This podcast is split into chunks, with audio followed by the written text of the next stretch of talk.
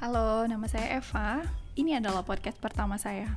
Sebelumnya saya nggak pernah tertarik untuk membuat podcast dengan alasan suara saya yang nggak bagus. Saya selalu beranggapan bahwa um, memuaskan pendengar dengan suara yang bagus itu jauh lebih penting daripada topik yang dibawakan gitu.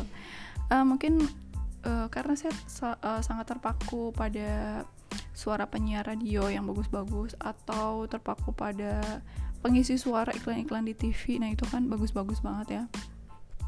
Bahkan suaranya Desta yang melengking atau Nikita Gina yang jauh lebih nyaring itu kok tetap enak gitu ya di telinga saya.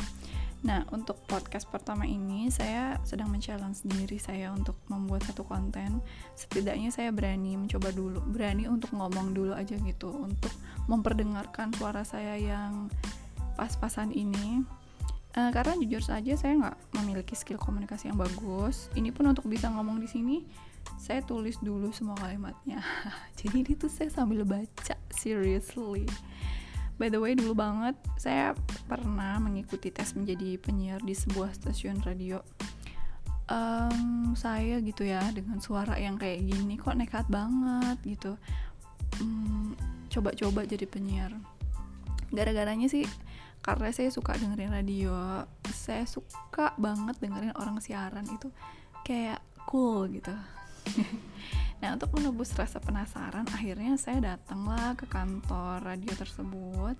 Kemudian saya dites di dalam studio duduk di depan mic pakai earphone. Pokoknya gayanya udah kayak penyiar betulan gitu. Dan kemudian apa?